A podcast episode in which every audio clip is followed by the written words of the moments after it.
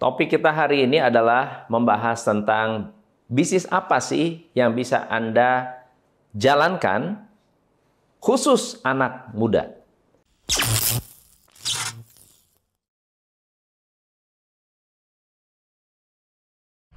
Kalau Anda ingin memiliki bisnis tapi bingung mau merintis usaha di bidang apa, memang ada tiga jenis usaha yang bisa jadi pertimbangan Anda, terutama buat Anda yang baru mau memulai usaha. Teman-teman, belakangan ini banyak sekali anak-anak muda yang ingin beralih dari pegawai menjadi pengusaha. Kenapa?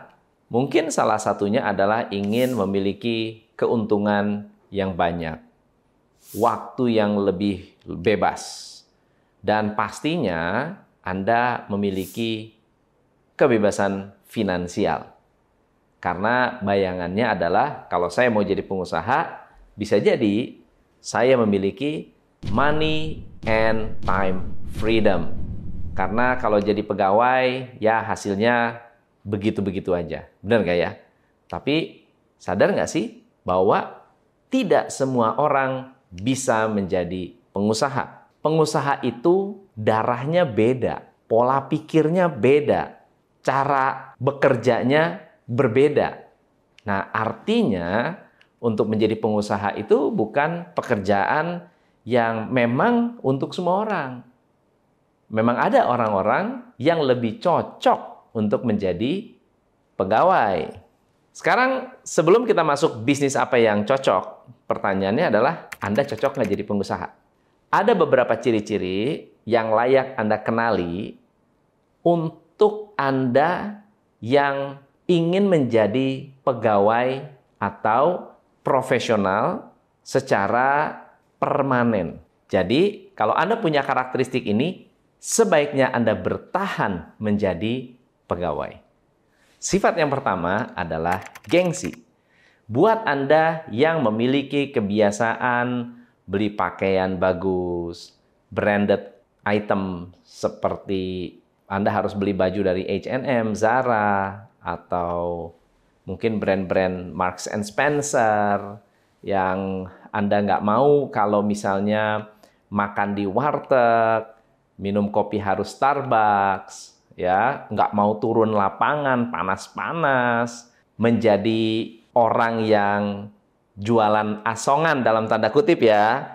Asongan artinya Anda menawarkan produk Anda door to door atau Anda mengunjungi prospek-prospek Anda door to door, Anda nggak mau nih, kenapa gengsi? Saya jualan, nggak mau panas-panasan, bau matahari, nggak mau. Ya, Berarti lebih baik Anda jadi pegawai. Nggak cocok nih jadi pengusaha. Karena standar hidup Anda sudah tinggi.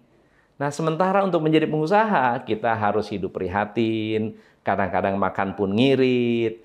Bisa jadi makan di kaki lima. Jadi yang siap untuk melepaskan kegengsian, silahkan jadi pengusaha. Tapi kalau Anda belum siap, menurunkan gaya hidup, standar hidup Anda, saya rekomen Anda untuk pertahankan pekerjaan Anda yang ada. Yang kedua, malas atau mageran. Buat Anda yang berpikir bahwa oh jadi pengusaha itu punya waktu bebas. Bisa leha-leha, bisa rebahan sepanjang hari. Teman-teman, mohon maaf, ini salah besar. Karena justru dalam merintis usaha, waktu kerja Anda yang dulunya hanya 8 jam, sekarang 24 jam. Tidur pun harus mikir. Tidur pun bisa tidak tenang. Memikirkan besok anak buah makan apa. Besok kita jualan apa. Jadi ketika merintis, istilah anak jaksel itu overthinking. Satu hal nih ya, yang mungkin buat para teman-teman yang doyan rebahan, Anda bekerja, kerjanya berat, lalu kemudian Anda bilang, gua mendingan jadi pengusaha aja karena pengusaha itu enak. Hati-hati, Anda sedang mencoba melakukan pelarian. Karena Anda males, Anda malas bangun pagi, atau Anda lelah ketika Anda dituntut target harus tercapai, lalu kemudian Anda berpikir, mendingan gue punya usaha sendiri. Bangun terserah saya, tidur terserah saya, target terserah saya. lebih baik jangan. Anda mendingan bertahan menjadi pegawai. Yang ketiga adalah generasi instan. Siapakah generasi instan ini? Orang-orang yang pengen serba cepat.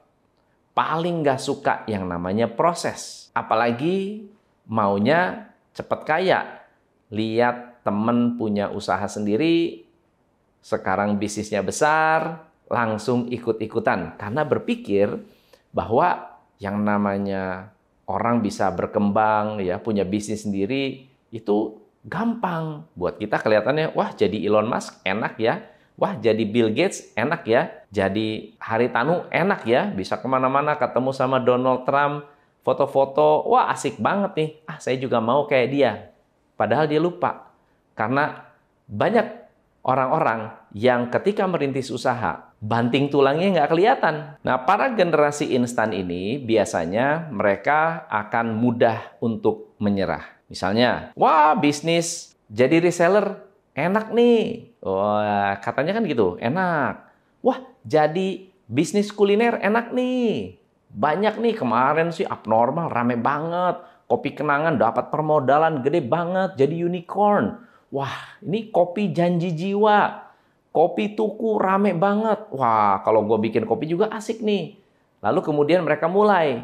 Saat mulai, hasilnya tidak sesuai harapan. Akhirnya apa? Mereka tutup. Dan mereka akan menyalahkan bahwa, hmm, bisnis kopi nggak bagus. Yang bagus tuh bisnis bakso. Lihat tuh bakso bujangan, bakso solo. Wah, top banget. Ojo lali, enak tenan. Wah, ayo kita bikin bisnis bakso. Pas bikin bisnis bakso, ternyata tidak setiap hari rame. Lalu mereka tutup. Dan mereka bilang, wah bisnis bakso nggak bagus, nggak cocok di Indonesia. Kenapa? Saya bikin bisnis bakso nggak berkembang. Dan kalau Anda ingin semua serba instan, Anda bukan pengusaha. Jadi sebaiknya jadi profesional lebih cocok. Nah, gimana? Dari tiga ciri ini, siapa yang kenal orang yang seperti itu? Komen di bawah. Nah, sekarang bagaimana Anda yang tidak gengsi, tidak punya mental instan, dan siap untuk berproses? Kira-kira bisnis apa yang cocok? Mari kita lihat beberapa alternatifnya. Ketika Anda ingin memulai bisnis, ada beberapa modal penting. Pertama adalah ide, yang kedua kreativitas, dan yang ketiga inovasi. Ini adalah hal-hal penting ketika Anda membangun usaha apa pun, apalagi menurut penelitian World Economic Forum di tahun 2019, di mana pemuda di Indonesia yang ingin menjadi pengusaha berada di posisi tertinggi sebanyak 35,5 persen, disusul dengan Thailand di peringkat kedua dengan angka 31,9 persen. Yang ketiga adalah Vietnam 27,5 persen. Dan yang paling mengejutkan adalah ternyata Singapura adalah negara yang paling rendah harapan atau keinginan pemudanya untuk menjadi pengusaha. Hanya 16,9 persen yang ingin menjadi pengusaha. Pertanyaannya adalah, Kira-kira bisnis apa yang cocok buat Anda, anak muda yang ingin jadi pengusaha? Saya pernah baca di katadata.co.id, menurut Badan Ekonomi Kreatif mencatat bahwa industri kreatif kuliner merupakan pemimpin dari PDB ekonomi kreatif terbesar sebanyak 41,4 persen, disusul oleh industri kreatif fashion sebesar 18,01 persen. Dan di peringkat ketiga, ternyata kria sebesar 15,4 persen. Nah, kira-kira apa bisnis yang kita bisa rintis? Ada tiga bisnis yang bisa Anda jadikan referensi untuk menentukan usaha yang cocok untuk Anda. Pertama, thrift shop.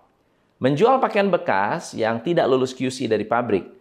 Ini sangat-sangat layak untuk dijadikan pertimbangan. Apalagi masyarakat hari ini ingin tampil fashionable. Tapi nggak mau beli barang mahal.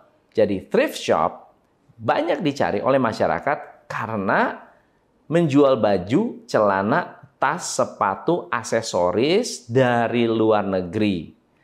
Harga jual thrift shop juga tergantung dari jenis, kondisi, dan merek yang dijual dalam bentuk karungan. Sekitar sejuta berisi 10 sampai 100 pakaian acak. Kadang-kadang seluruh pakaian tersebut tidak seluruhnya dalam kondisi bagus. Jika ada kondisi yang cacat bisa diperbaiki dulu, tetapi ini tips yang bisa Anda lakukan untuk menjual produk thrift shop. Pertama adalah Anda harus pastikan menjual pakaian yang bersih, aman, dan nyaman untuk customer. Yang kedua adalah coffee shop. Buat Anda yang anak muda punya coffee shop adalah salah satu jenis usaha yang ada di wishlist Anda. Ah, ini dia. Kenapa? Coffee shop merupakan salah satu tempat nongkrong favorit anak muda. Apalagi kalau berbicara margin atau keuntungan. Coffee shop yang Anda miliki jika enak untuk nongkrong, ada live music, interiornya instagramable, terkonsep, ada free wifi, harga makanannya yang masuk akal, pasti untung karena volume penjualannya juga akan baik. Atau Anda juga bisa menggunakan sistem franchise untuk menjual konsep bisnis Anda. Seperti Janji Jiwa, Kopi Kenangan, Kopi Nako yang sekarang sudah punya branding yang kuat, harga pun tidak terlalu murah juga harga 150 200 ke atas 200 juta ya. Tetapi ya orang mau beli, orang mau invest. Yang ketiga adalah jadi penulis. Jika Anda ingin memiliki bisnis yang terbentur dengan permodalan, ada solusi yang bisa Anda lakukan, yaitu menggunakan tenaga Anda sendiri. Menjadi penulis adalah salah satu skill yang dibutuhkan dalam berbagai bidang. Anda bisa menjadi ghost writer. Anda bisa menulis di blog pribadi Anda. Anda bisa menjadi content writer. Anda bisa menjual white paper. White paper adalah artikel lengkap berisi riset dan strategi-strategi atau berdasarkan riset atau kumpulan informasi yang spesifik untuk industri tertentu seperti fashion, kuliner, otomotif, ataupun bisnis-bisnis umum seperti industri-industri yang berhubungan dengan teknis seperti IT, teknologi, dan seterusnya. Ketika Anda menjadi copywriter, ketika Anda menjadi content writer, Anda pun bisa menjadi influencer. Orang yang menulis, orang yang membaca tulisan Anda bisa jadi tertarik untuk membeli produk tertentu karena Anda menulis dengan meyakinkan. Bahkan ada orang-orang yang dibayar untuk mereview sebuah brand ataupun produk yang tulisannya ini reliable jadi, apa pilihannya? Anda mau jadi pengusaha atau Anda lebih suka menjadi pegawai? Kalau Anda ingin menjadi pengusaha, pikirkan target Anda, goal Anda, karena bisa saja goal dan mimpi-mimpi Anda tidak harus dicapai dengan menjadi seorang pengusaha. Banyak seorang karyawan, pegawai yang bisa meraih prestasi sedemikian rupa dan mendapatkan rejeki yang baik karena keseriusannya, karena kemauannya, dan pastinya karena berprestasi. Rasanya orang-orang yang ada di tiga kategori tadi, yang pertama gengsi, malas, atau mental instan, mungkin cocok untuk jadi pegawai, tetapi nggak akan bisa berprestasi secara jangka panjang. Anda jadi pengusaha atau jadi pegawai, tetap dibutuhkan kerja keras, semangat, dan energi untuk mencapai prestasi. Yang penting, tetap bersyukur dengan apa yang sudah Anda miliki, bahagia, menjalankan tugas-tugas Anda dengan penuh antusias, boleh berambisi, boleh punya ambisi, tapi tidak perlu ambisius. Saya pernah melihat salah satu eh, Q&A Arif Muhammad, di mana salah satu followersnya bertanya, kalau punya satu juta modal, apa yang bisa dijalankan? Dijawabnya gini, nggak harus bisnis kok untuk sukses, bahagia dalam hidup, kerjasama orang, atau jadi anak buah juga nggak apa-apa banget. Jika kita merasa bahwa uang ada tapi bingung mau ngapain, berarti belum punya ilmunya. mending ikut orang dulu sebagai permulaan, pelajari cara kerjanya, pelajari cara mengatasi masalah-masalahnya, cara mendapatkan networkingnya, serap ilmunya, lalu jadi bisnis. Saya rasa sepakat banget dengan apa yang dikatakan oleh Arif Muhammad. Jadi tidak salah untuk Anda berintrospeksi. Karena kan apa pun pekerjaannya selama halal, bermanfaat, bisa mendatangkan kebahagiaan untuk Anda dan keluarga. Saya Tom MC Ifle, salam pencerahan. Hanya di Coach Indonesia.